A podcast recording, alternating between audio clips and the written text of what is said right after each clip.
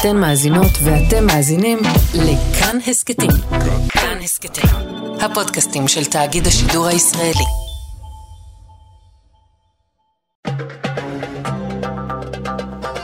גם כן תרבות. עם גואל פינטו.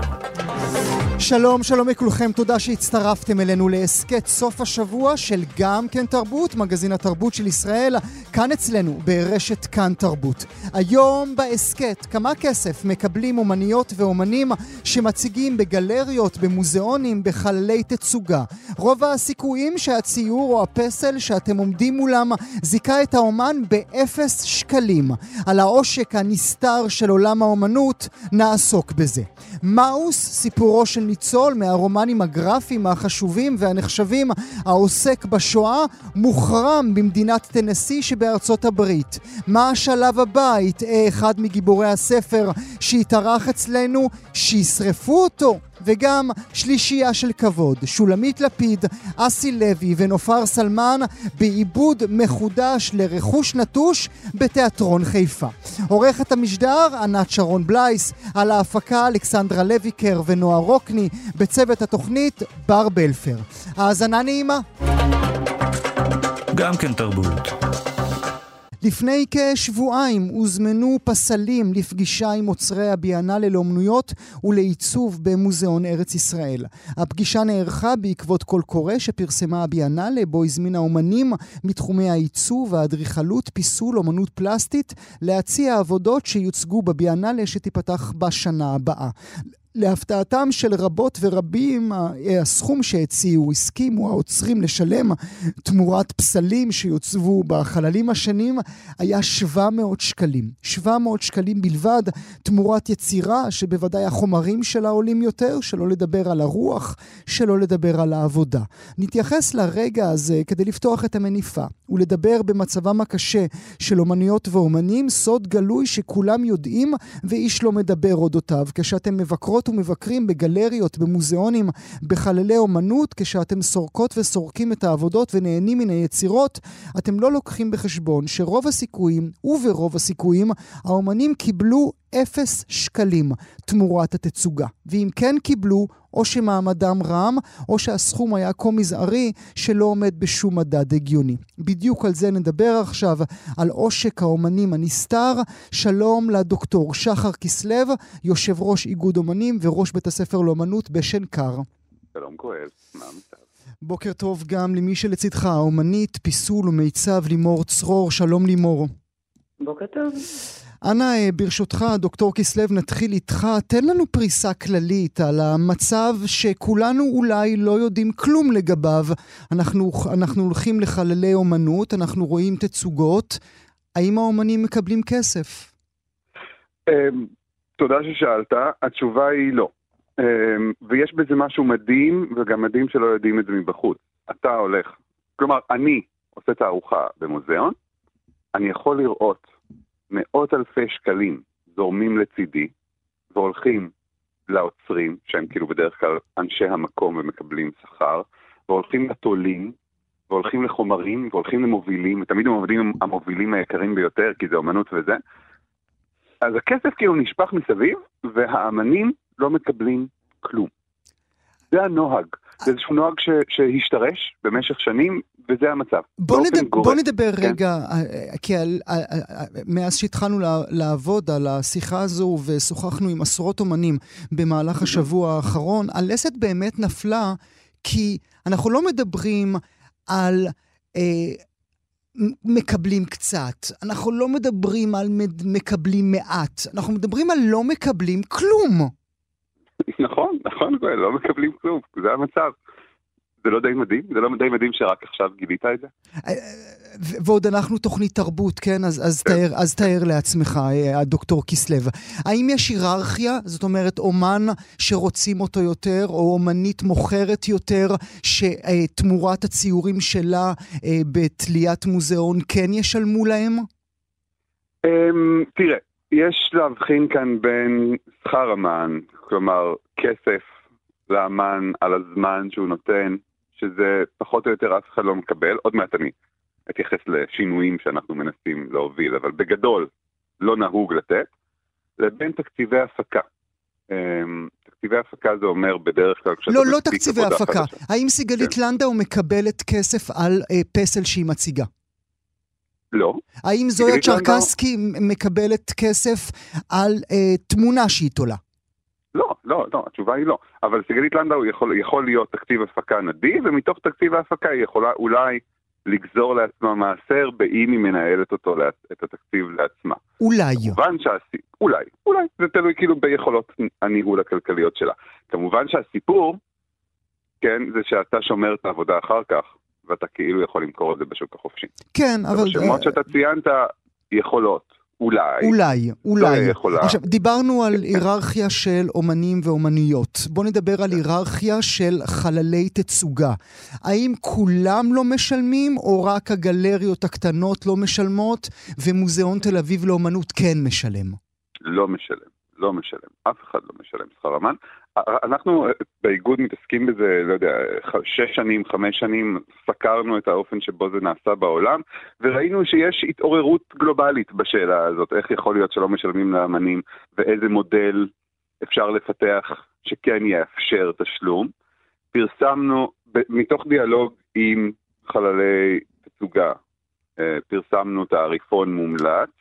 יש מוסדות שאימצו אותו, או איזושהי גרסה שלו, יש מוסדות שלא.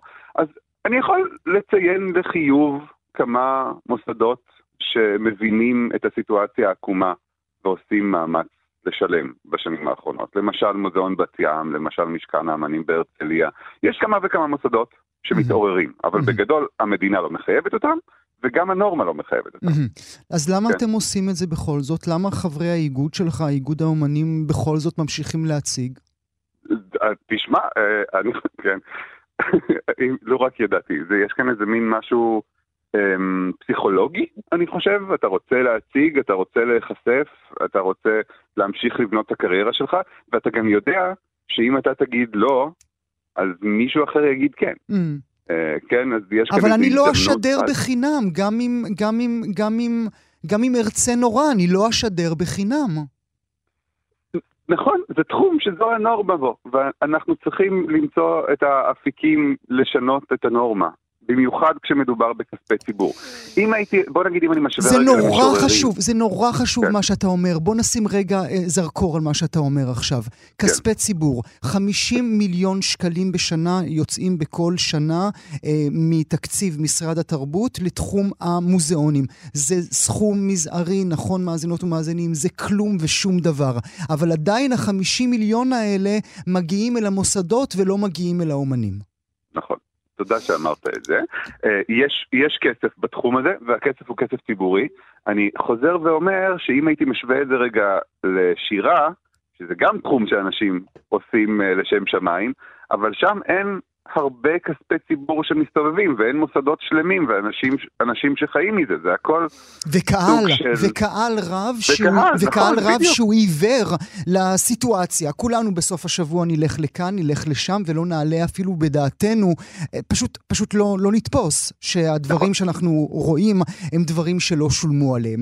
נשים לגמרי. נקודה ברשותך, נעבור רגע, עוד אלייך. מילה, עוד מילה, עוד מילה, להגיד שאם הסיטואציה הייתה כזאת, שיש כאן שוק מלבלב ופורח, ואז המוסדות כאילו מפיקים עבורך עבודה, ואחר כך אתה מוכר את זה בסכומי עתק וזה, אז אפשר היה להבין, אבל זה לא המצב. הרבה מאוד מהעבודות פשוט יישארו אצלך, סלאש ייזרקו, ועשית עבודה של, לא יודע, שנתיים, ונגמר. טוב, ומי, טוב, ומי זו יודע הנקודה. כמה הוצאת אה, אה, על, ה- על העבודה הזו, שלא לדבר על הרוח, שלא לדבר על הנפש. אה, לימור צרור, כאמור, אומנית פיסול ומיצב, למה את ממשיכה בנסיבות כאלה ובאפס מחיר להציג את העבודות שלך? כי אני רוצה לעשות אומנות. אני חושבת שמה שאמרתם, אני מסכימה לכל מה שנאמר, עוד יותר בא לידי ביטוי באומנות המיצב. אתה חייב חלל, ותמיד אני בונה את המיצב site specific לאותו חלל. אתה צריך את החלל הזה, בלי זה אין לך אומנות. ואז אתה צריך שיפנו אליך, ואז אה, אתה צריך שיתקצבו איכשהו משהו, שייתנו לך, כי, אתה, כי אני בונה עבודה חדשה, אה, בהנחה שייתנו לי תקציב רק להפקה של הדבר, ומראש אני עובדת נורא לואו-קוסט. מהמם. זאת אומרת, העבודות שלי הן מראש בנויות על חומרי בניין, אה, מראש אה, אני... מתוך מנסה- כוונת מכוונת, או מתוך מי שרוצה ליצור עם החומרים האלה? בוא נגיד זה גם וגם. Mm. עכשיו אני Mhm. למשל רוצה לעשות משהו... כי את אומרת, הרי לא ישלמו לי על זה גם ככה, אז בואו ננסה למצוא את הבדים הזולים ביותר.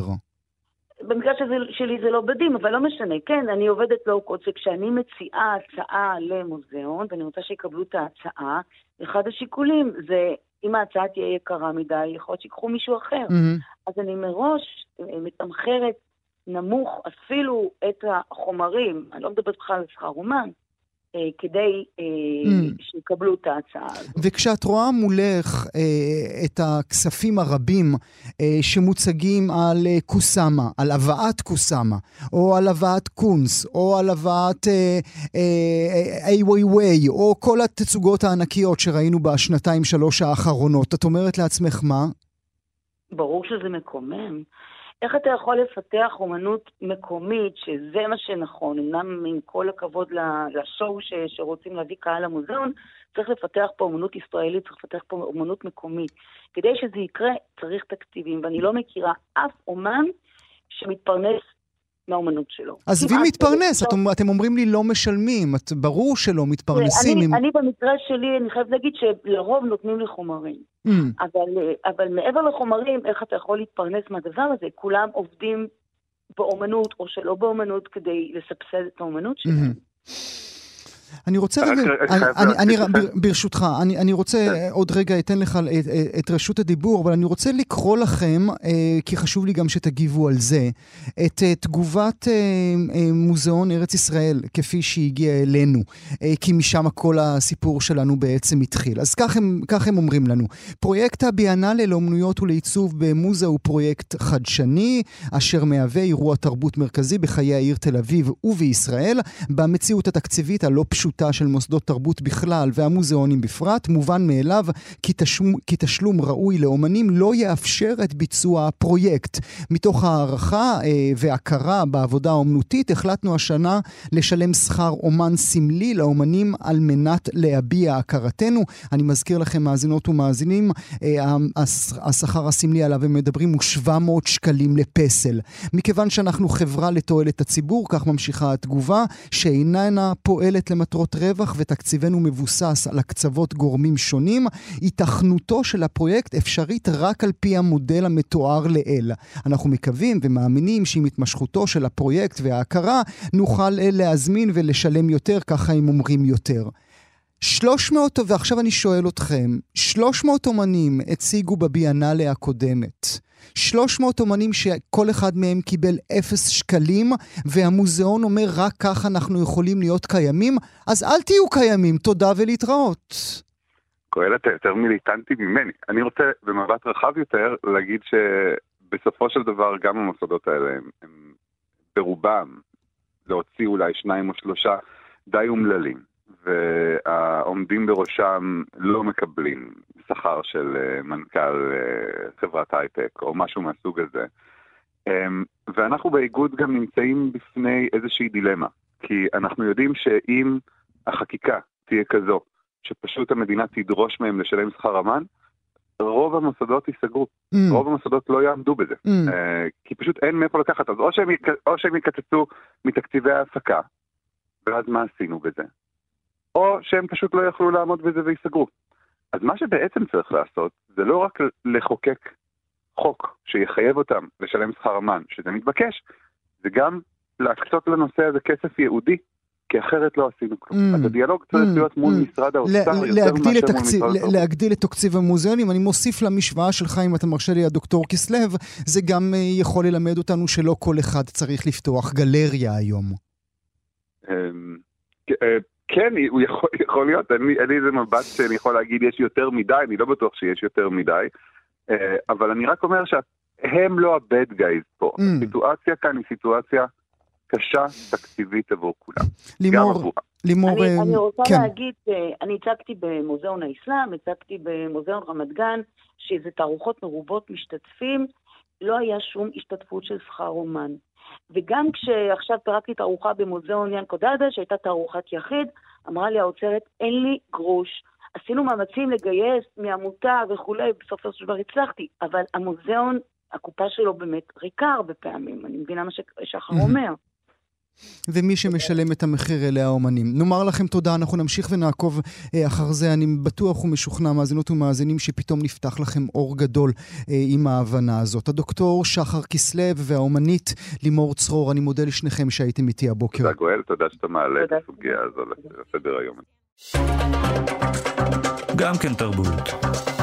ביום חמישי צוין ברחבי העולם יום הזיכרון הבינלאומי לשואה. מאיחוד האמירויות, דרך הבונדסטאג בגרמניה, מרבת שבמרוקו ועד לשער הניצחון שבפריז, בכולם נערכו, נערכו טקסי זיכרון לציון שואת העם היהודי.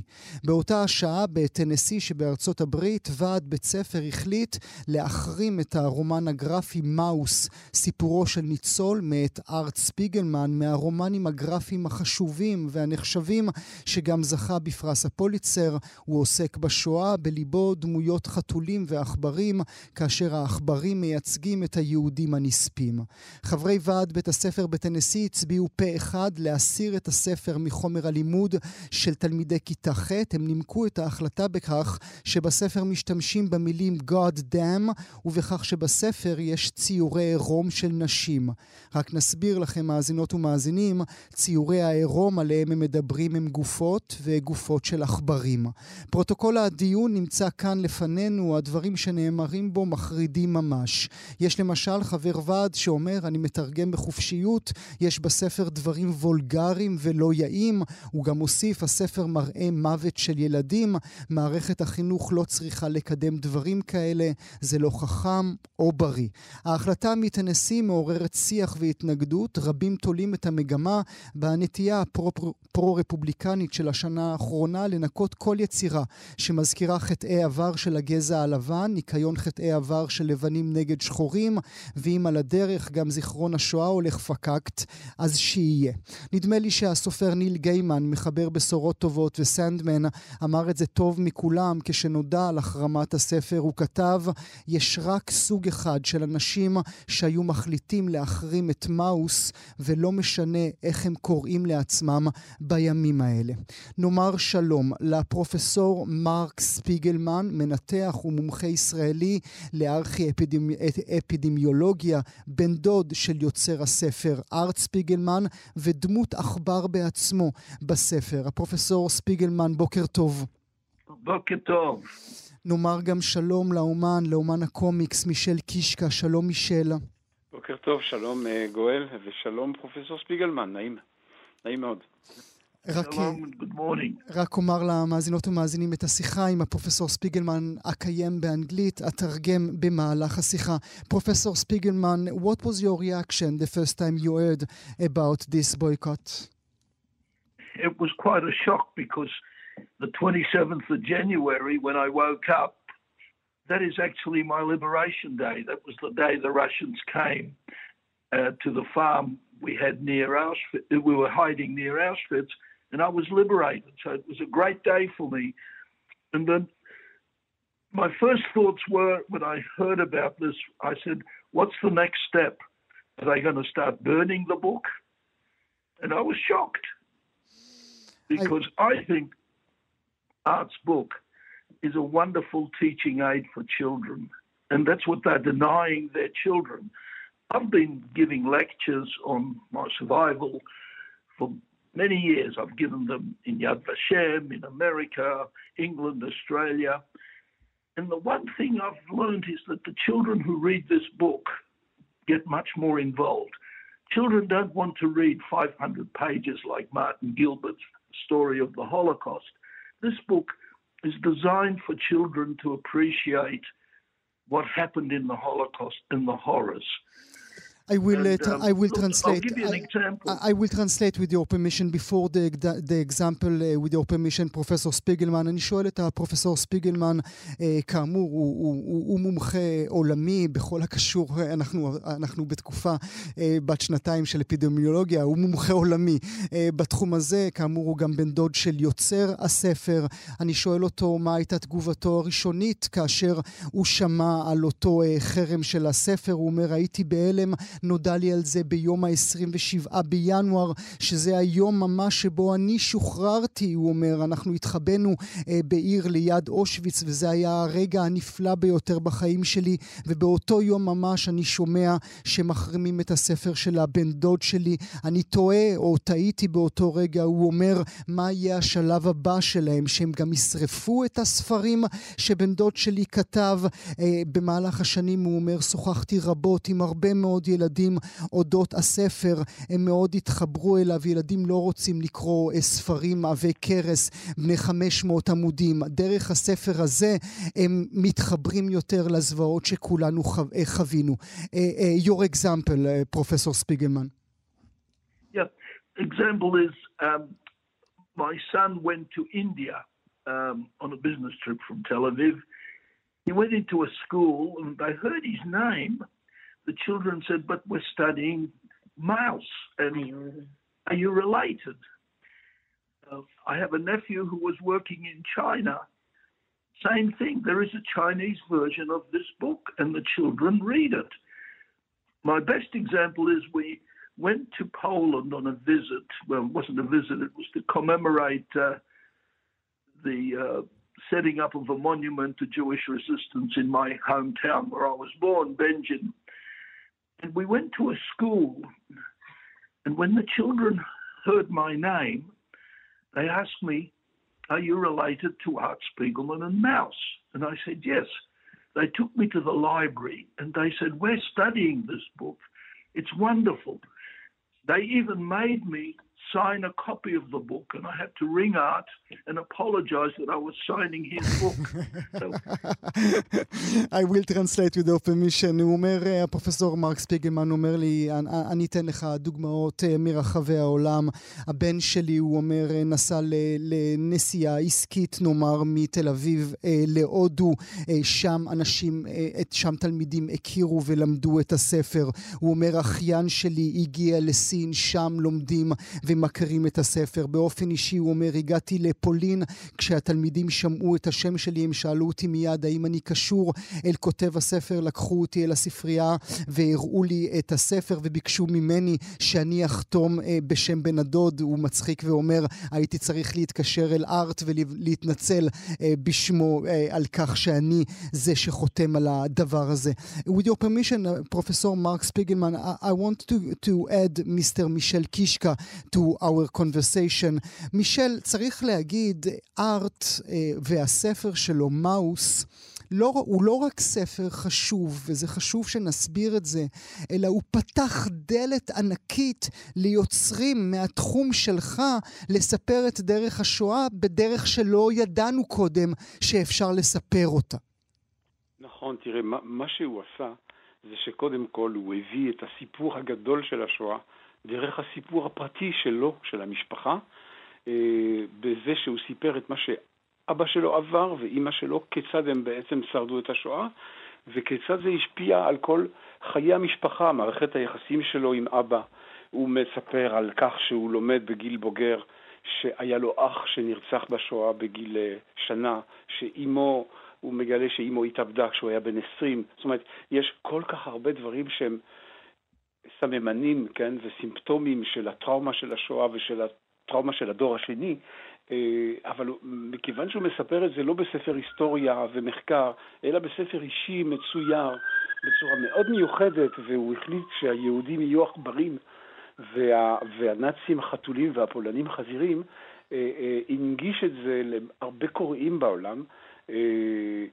ויחד עם זאת, זה באמת היה תחילתו של עידן חדש בקומיקס. פתאום הקומיקס, שהיה מוכר עד אז בתור, הייתי קורא לזה בידור אה, להמונים, כן? אה, אה, אה, גיבורי על ואסטריקס וטינטין לילדים ובני נוער, פתאום זה עבר לקהל בוגר, זה פתח אפשרויות לספר סיפורים אישיים ולקהל בוגר באמת, ו, ובעצם זה התחיל גל שאני חלק ממנו, ו- ויש uh, בארץ גם יוצרים רבים, רות ומודן mm-hmm. ואחרים, mm-hmm. שהם ממש uh, עלו על הגל הזה כדי לספר סיפורים בגובה העיניים שהם מכוונים מראש לקהל בוגר.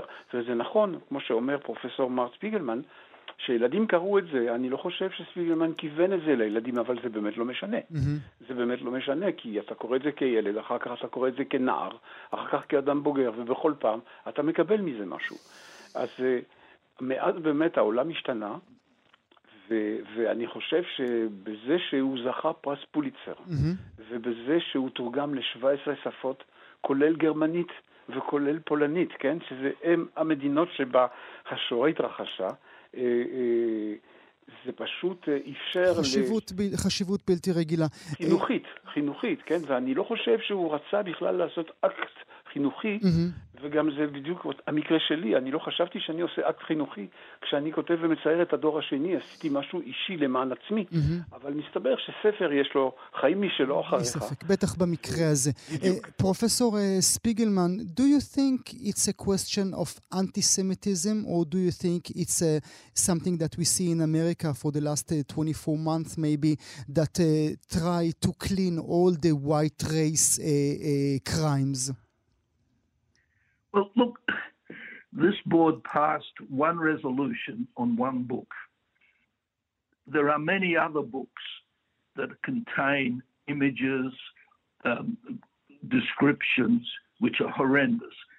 If this is the only book they ban, then you have to make up your own mind.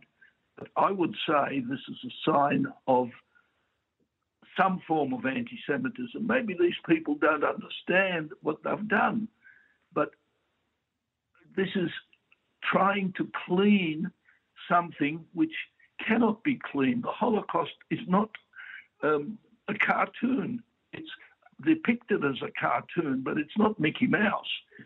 So if that's all they do, then I would have to think maybe this is a form of anti Semitism. Otherwise, probably is worse. They're trying to clean the world and present their children with a picture which doesn't depict the world we live in.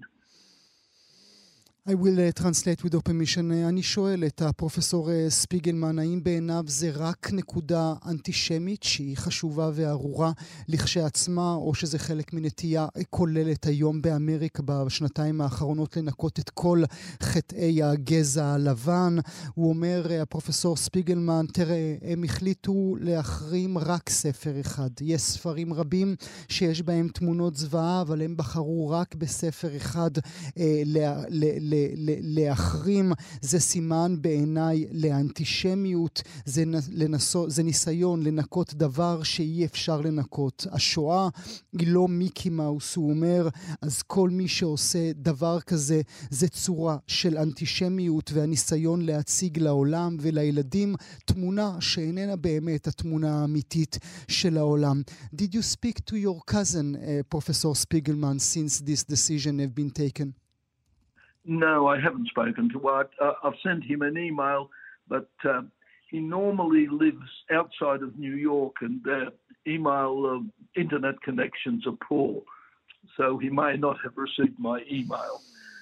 Uh, we, we, we, we, have to say that uh, he's been quoted in the American press, and he was uh, and he said, uh, like you, he, he said that he, it's an, an, an horrific decision. Yep. Look, I can tell you one thing I give lectures to students, and I try to do it as often as possible. The children who have read Mouse, and I would say around half or more have read and studied Mouse. If they study the Holocaust, Mouse is one of the number one books.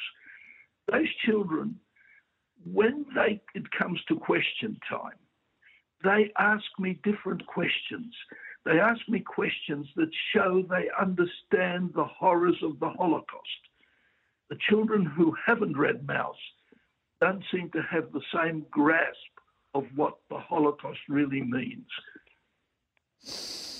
אני שואל את הפרופסור אה, ספיגלמן, האם הוא שוחח עם בן דודו, הסופר אה, ארט ספיגלמן, הוא אומר עדיין לא, ששלחתי לו מייל, הוא חי מחוץ לניו יורק, יש שם בעיות אה, אינטרנט, והוא נותן דוגמה נוספת, הוא אומר, הרציתי רבות במהלך השנים, ואני יכול לומר לך בצורה ברורה, ילדים שקראו את הספר, שקראו את מאוס, שכשהם מגיעים אל שלב השאלות, הם שואלים אותי שאלות שמראות שהם מבינים את עומק הזוועות, ואנשים של, ילדים שלא קראו את מאוס, לא באמת מבינים את הדברים הנוראים שקרו אז בתקופה הזו.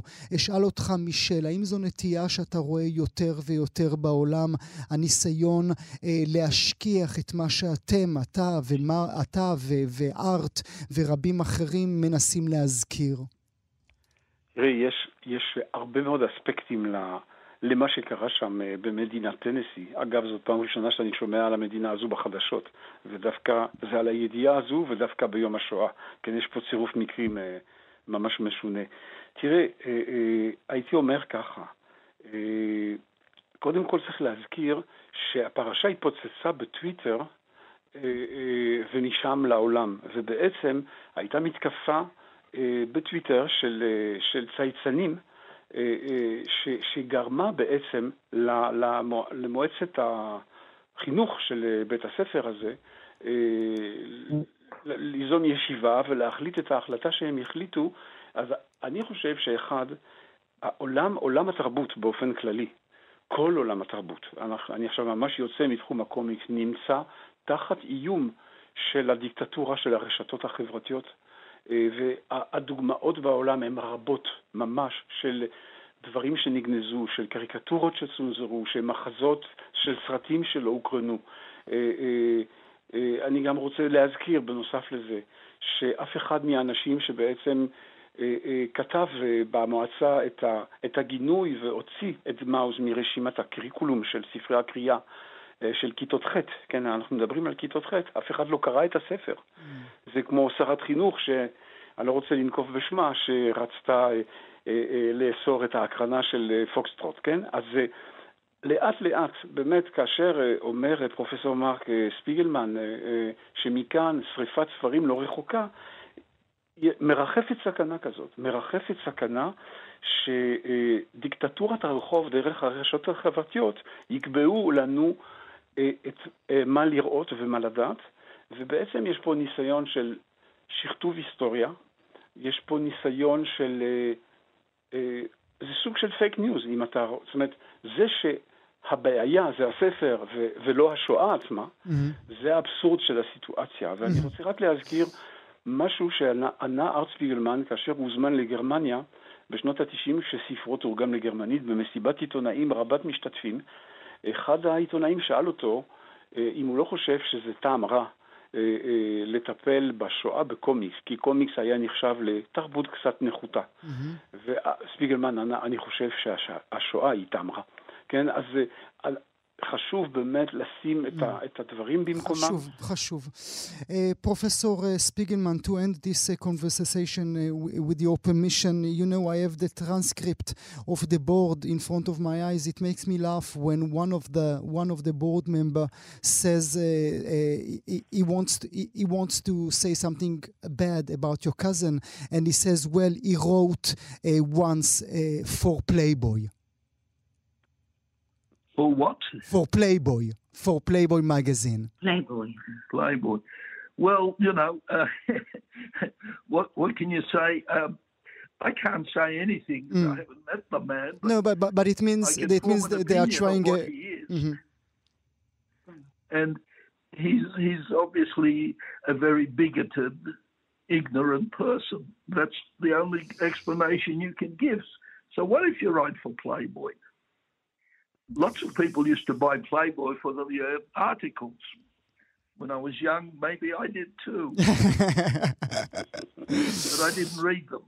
I will, uh, I will translate with permission uh, בטרנסקריפט uh, שנמצא כאן uh, מולי, אחד מחברי הוועד uh, שמבקש לאסור את uh, מאוס uh, מחומרי הלימוד, מזכיר גם את העובדה שארט ספיגלמן uh, אייר בשביל הפלייבוי, הוא יצר שם uh, רצועת קומיקס עבור המגזין בין 1978 ל-1982, אומר uh, הפרופסור ספיגלמן, נו, uh, אנשים רבים הם בעלי דעות קדומות וגזענים, והם יאמרו הכל בשביל הדבר הזה. I want to say thank you, both of you, אומן הקומיקס מישל קישקה, תודה רבה לך שהיית איתי הבוקר, פרופסור. גואל, אני חייב ל... ש... ש... שישמעו המאזינים שבעקבות הפרשה, אה, אה, המכירות של מאוס עלו בארצות הברית, אמזון מוצפים בהזמנות, וחנות ספרים באזור שם בטנסי קנתה 500 ספרים שפינגווין מכר להם במחיר מוזל, והוא הודיע שהוא יחלק אותו חינם לכל תלמיד וסטודנט. שידרוש. אז אה, זה, אתה יודע, יש גם, אור. גם את הצד החיובי של. ה... של הסקנדל הזה, הקטן. תודה לך, אה, מישל. פרופסור מרק ספיגלמן, thank you so much for being with us this morning. יום טוב. Thank you. And could you send a message to Tennessee? I'm quite happy to go and talk to their students to fill in the gaps in their uh, ignorance about the Holocaust. And give my regards to your cousin, please. I shall. Okay. Thank you. אז הנה, לסיום השיחה, מרק ספיגלמן אומר, אה, מסרו למועצת טנסי שאני אשמח לבוא אליהם ולדבר עם התלמידים שלהם. גם כן תרבות. לפני 35 שנים, אה, כבר הרבה שנים חלפו, עלו על במת הקאמרי שלוש מהשחקניות המרהיבות שחיו בינינו. זעריר החריפאי, זכרה לברכה, רבקה נוימן וענת וקסמן, שתיבדלנה לחיים ארוכים. הן גילמו על במה אחת אימא ושתי בנות. אימא, ניצולת שואה, שבעלה זנח אותה, אימא שמתגוררת עם בנותיה בבית שאמור לעבור הריסה, אימא שלא רק הבית בו היא גרה מוכרז כרכוש נטוש, אלא שגם היא עצמה מרגישה ככה כלפי עצמה. אימא שמסרבת לעזוב, נאחזת בעבר, מנסה להשיב את הלומיה. אימא שהקונפליקט, לא רק מול השלטונות, אלא גם מול הבנות שלה, ימוטט את חייה. למחזה קראו רכוש נטוש. הוא עלה שוב על הבמות כמעט 20 שנים אחר כך, בתחילת שנות ה-90, הפעם עם גילה אלמגור, הילה פלדמן ורותם זיסמן, ועכשיו בשלישית, 2022, בעיבוד חדש בתיאטרון חיפה. אני שמח לארח שולחן של מכובדות, נאמר בוקר טוב לסופרת, מחברת המחזה רכוש נטוש, האישה שלעולם אציג אותה בתור האימא של ליזי בדיחי, שולמית לפיד, שלום. בוקר טוב. שמח שאת נמצאת איתי, שולמית. לכבוד לי. נאמר בוקר טוב לשחקנית והזמרת, ועכשיו לראשונה גם הבמאית, אסי לוי. שלום, אסי. בוקר טוב, גואל. בוקר טוב, שולמית. בוקר טוב, אסי. ונכבד את השלישית גם כן, השחקנית והזמרת עם כל הפעמונים, נופר סלמן. שלום, נופר. אהלן, בוקר טוב, מה קורה? שמחה רבה שאתן כולכן נמצאות איתנו הבוקר. שולמית, מה את אומרת על העבודה של אסי? תראה, זה, זה מרגש מאוד לראות את זה פעם נוספת. הייתי אמנם רק בשתי חזרות, אבל אסי מנסה ומצליחה למצוא דרך חדשה להציג את הסיפור הישן, במרכאות. היא פתחה את הבמה, היא אה, מכבדת יותר את אותו רכוש נטוש, אומרת שהוא, אה, האם נאבקת עליו כיוון שהוא שווה משהו, כיוון שהוא ראוי למאבק שלה. אה, ומאוד מרגש אותי לראות את זה, שוב באופן אחר, חדש ושונה. איזה מין מחזאית את, שולמית? את משחררת? את נותנת לבמאית לעשות מה שהיא רוצה, או שאת יושבת לה על הצוואר? בהחלט, בהחלט כן, וזה זה, זה הריגוש שבחידוש של מחזות. לראות שאפשר לראות את אותו דבר גם באופן אחר, לתת משמעות חדשה לדברים. הבנות, שתי השחקניות הנפלאות הצעירות, גל מלכה ונופר סלמן, הן מהוות איזו שלוחה שלהם, זאת אומרת, הם גם הידיים שלה והרגליים שלה והשכל שלה והדמיון שלה, והם הסמל לכל מה שעבד לה ולכל מה שהיא רוצה לשמר. זאת אומרת, והן עושות את זה בחוכמה ובכישרון, ומאוד מאוד מרגש אותי. אסי לוי, תגידי, את השתגעת לא רק uh, לקחת את המקום של זעריר החריפאי וגילה אלמגור בתור השחקנית האימא במחזה, אלא גם לביים את זה? אהה. אה, כן, האמת שזה מסוג הדברים שאם חושבים עליהם מראש, אז התשובה היא כן. למים, אז כן, כן, אני השתגעתי, בחרתי מקצוע כזה של משוגעים, אתה יודע, שמספרי סיפורים. שהסיפור עדיין, הסיפור הכתוב אותי מרגש, אה, המחזה רכוש נטוש, אני צפיתי בו בתור נערה בת 17. Mm. וואלה, בתפקיד של זערירה או של... אה, ראיתי את זערירה, ראיתי את זערירה.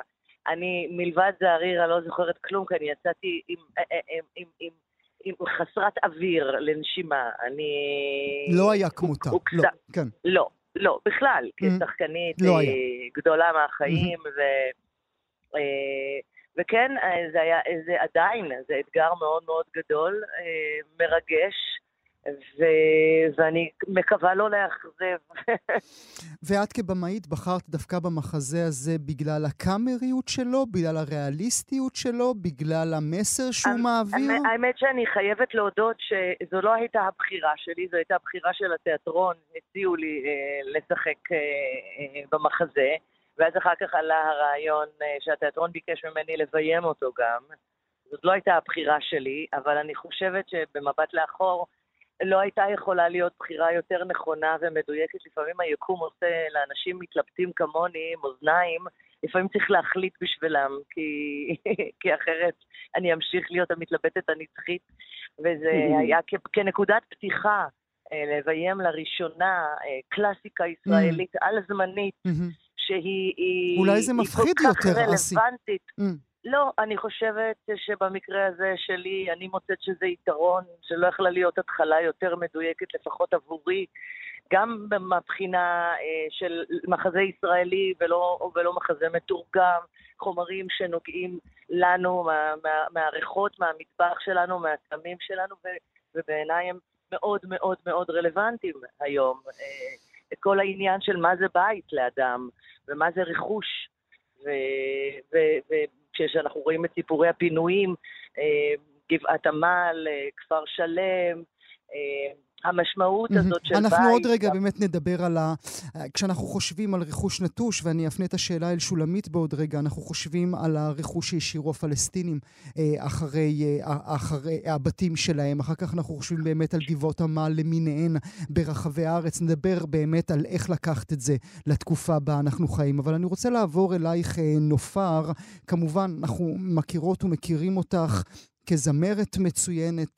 אה, אנחנו מכירים אותך מהתפקיד שעשית אצל אה, זה אני, אנחנו מכירים אותך בסאלח שבתי, אנחנו מכירים אותך מהיורשת בקשת 12, והנה עכשיו מין תפקיד כזה שכל כולו תיאטרון קלאסיקה ישראלית. כן, האמת שזה מדהים. אני, מהרגע הראשון שקראתי את הסיפור וקראתי את עליזה, אני התחברתי, אני אפילו זוכרת שהתחלתי לכתוב עליה איזה שיר, כאילו זה ממש ממש ריגש אותי, אה, הדמות והסיפור שלהם. ובשבילי זו זכות ענקית לשחק לצד אסי mm. וגל וסיפור כזה מטורף. את מכירה את העליזות של העולם? לא, לא יצא לי לראות אה, גרסאות אחרות. לא, של העולם, של מין, אה, מין, אה, מין צעירות כאלה שנשארות בלימבו, עם האימא שרוצה לקחת אותן לאחור כל הזמן. כן, אבל אה, היא נורא לוחמנית, היא דווקא לא נשארת אה, מאחור. היא. רוצה פשוט לקחת את אימא שלה איתה קדימה, mm-hmm. זה, כן. אבל אה, היא לא תשאיר אותה מאחור והיא לא תישאר מאחור, ואני מכירה המון המון עליזות כאלה, וגם אני קצת עליזה. גם את עליזה. כן. היא קצת הרבה עליזה, היא מאוד עליזה. Mm. לשם חתרתי, לא הצלחתי, אסי, ראית שניסיתי. ראיתי, אבל הנה, אני פה להגיד לך. היא מאוד עליזה, היא מאוד עליזה, והיא עליזה נפלאה ומרגשת, ו... ו... וגל אה, מלכה שעושה את אחותה, מגלמת את אחותה אלינור, אה, נפלאה. אה, בכלל, אני חושבת שהמחזה הזה פורט על המיתרים. לי כאימא, אני חושבת שזה התגלמות כל הפחדים של, של הורה להתבגר מול הילדים ומול הילדים שלך שרוצים לפרוח mm-hmm. ולצאת mm-hmm. מהבית ולעזוב. הסיפור האישי שלה מול, מול שתי בנותיה. אה, אתגר מרגש ו... זה על-זמני. אז אולי באמת אשאל אותך, שולמית, בעצם, מה הייתה המטרה שלך אי אז כשכתבת את המחזה? מה רצית לשים לנו מול העיניים? תראה, כשכתבתי את המחזה לא ידעתי מה אני כותבת. החוכמה שלי היא חוכמה של בדיעבד, שלאחר מעשה, אה, כש... גיליתי שיש כזה כוח למחזה, התחלתי לנסות להבין ממה הוא בא.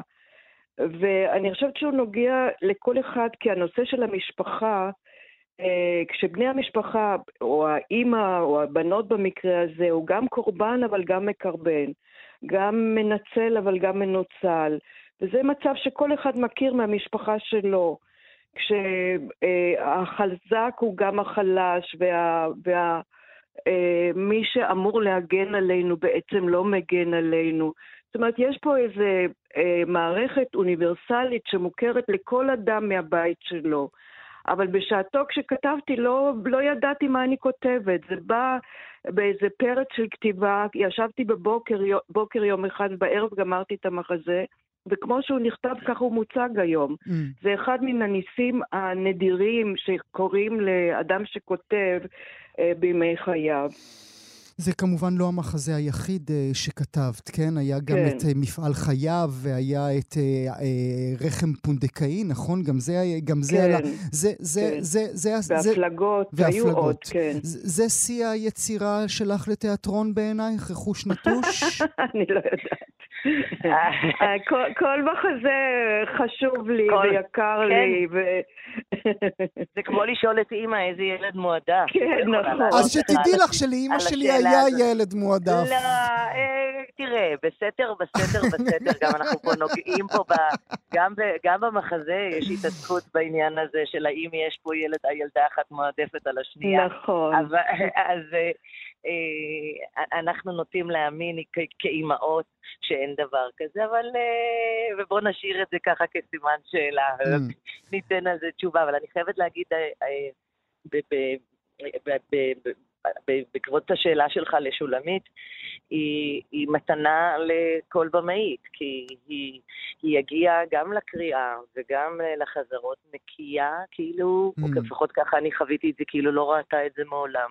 היא לא התערבה, היא לא הציעה, היא לא הפריעה, היא ישבה וצפתה, את זה, וצפתה בזה כקהל, mm. והתרגשה כקהל. אבל לא היית כמו ילדה ליד אימא שלה של נו תגידי, נו תגידי, נו תגידי מה את אומרת? אה, אנחנו ניהלנו שיחת טלפון אחר כך, ובאה, לא הייתי צריכה להגיד נו תגידי, כי היא אמרה, והיא נדיבה מאוד, והיא הייתה מאוד מדויקת ו...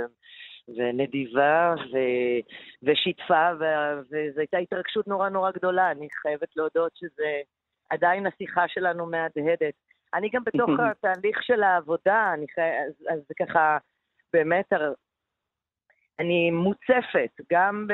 אנחנו עכשיו עלינו לבמה ואנחנו ממקמות את התפאורה, והתפאורה שלנו פשוט עוצרת נשימה, שמיכאל קרמנקו, מעצב הבית של תיאטרון גשר, אה, אה, עשה, ופליס רוז, אה, תאורנית, באמת בינלאומית שעובדת באופרות בחו"ל. אז אני רוצה רגע לדבר באמת, אם את מעלה את הנקודה הזו, אני רוצה לדבר איתך, אסי, בהקשר הזה, איך לקחת את זה לכאן ולעכשיו, כי בתפאורה שלך אין קירות. יש רק, אין רצ... קירות. יש אני... רק רצפה ערבית. והאם הרצפה הערבית מדברת על אי אז או מדברת על העכשיו? אני חושבת שזה מדבר על כמה דברים. לי היה מאוד מאוד חשוב אה, לא לשפוט את מה זה בית של אדם, אה, בין אם הוא עני או עשיר, ולמצוא את הפיוטיות שבעוני. ולמצוא, להבין שבית, בית זה לא קירות, בית זה זיכרונות. בית זה המקום שבו אה, ראית את התינוקת שלך צועדת פעם ראשונה, ושהאהובך הרים אותך ונשק אותך בכל החדרים. בית זה אוסף של, של, של זיכרונות ורגשות אה, ו- ו- ורגעים ש, שאי אפשר למדוד אותם בכסף, בבית בשיכון, או להחליף או לשפוט את זה. ולי היה נורא נורא חשוב שהקהל ייכנס לבמה וגם בעצמו יתלבט, כמו טוני, האם לחתום או לא לחתום. אה, כי מבחינתה הבית הזה הוא הארמון שלה, ורציתי באמת ליצור את הארמון שלה. ו- וההימנעות מקירות ומסטריאוטיפיות של מה זה אני ומה זה עשיר, אה, וגם העניין של בית ערבי, כמו שאנחנו יודעים בכלל, המושג אדמה, זה דבר נורא נורא חשוב. אבל האם את רוצה, כשהצופים יגיעו לתיאטרון חיפה, את רוצה שהם יחשבו על גבעת עמל, או את רוצה שהם יחשבו על אני רוצה שהם הפלסטינים, יחשבו או על את רוצה מאוד- שהם יחשבו רוצה- על אני- אנשים ש- ש- ש- ש- שגורלם לא שפר עליהם? אני, על כל מה שאמרת אני רוצה שהם יחשבו, על כל, על המושג הזה של בית, על אדמה, כן. שורשים. כן, עופר? מה? כן, עופר? לא, אני אומרת, כל אחד מהנקודה שלו, אתה יודע, כל אחד מתחבר לזה מהמקום שלו, כל אחד ראה דברים אחרים בחיים שלו, אה, מהמם. פינויים, מהמם. יש אה, מס- מספיק ומכל הסוגים, כאילו, הנקודה היא... אה, אני רוצה- כן. אני בסופו של דבר רוצה שהקהל יגיע ולא ישפוט את המושג של מה זה בית, ולמה אדם נלחם על ביתו, גם אם הוא הבית הכי בעיני אחר נראה אה, אה, אה, דלוח, עני, אה, כמו שנקרא, חור באיזשהו, מה אתה צריך מהמם. את החור הזה? בוא מהמם. ניקח, ניתן לך בית בשיכון. מהמם. גם אנחנו יכולים להגיד אותו דבר על עניין הכיבוש, אה, על, ה, על המשמעות של אדמה לפלסטיני, ואותו דבר על, ה, על ה, ה, המשפחות של גבעת עמל שנזרקו אה, מביתם, והמשמעות של מה זה, מה, מה כן, זה אני חושבת בית. מהמם.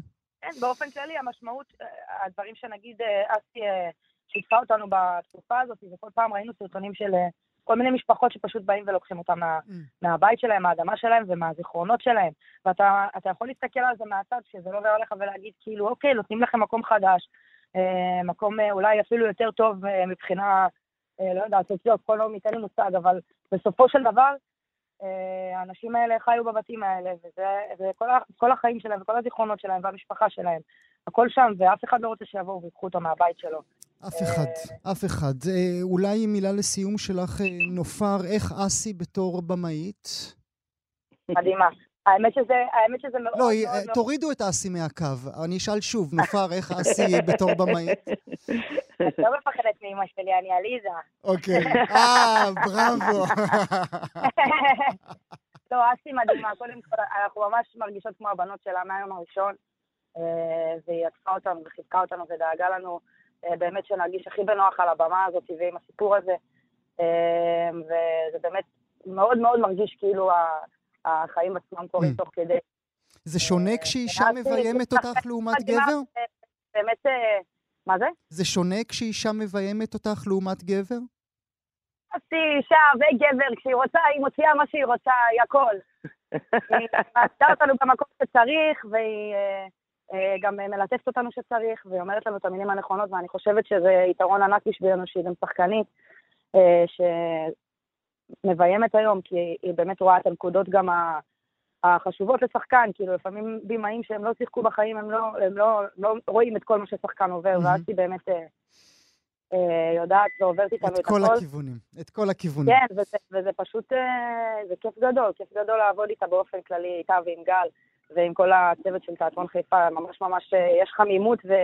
והאווירה ממש טובה. מילה לסיום שלך, אה, שולמית אה, לפיד, כל כך הרבה, כל כך הרבה יצירות נתת לנו במתנה. היית מאמינה את כל הלילות האלה שכתבת במין בולמוס כזה, שככה יהיה להם כזה אפקט?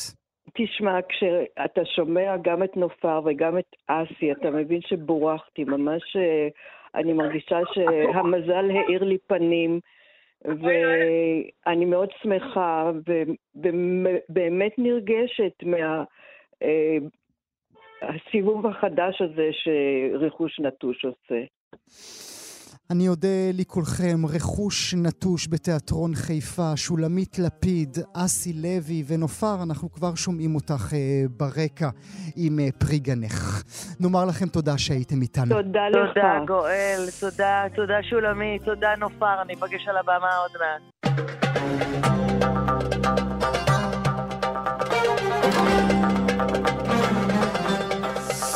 זהו, אנחנו הגענו לסיומו של הסכת נוסף של גם כן תרבות, מגזין התרבות של ישראל, כאן אצלנו ברשת כאן תרבות. עורכת המשדר ענת שרון בלייס, על ההפקה אלכסנדרה לויקר ונועה רוקני, בצוות התוכנית בר בלפר.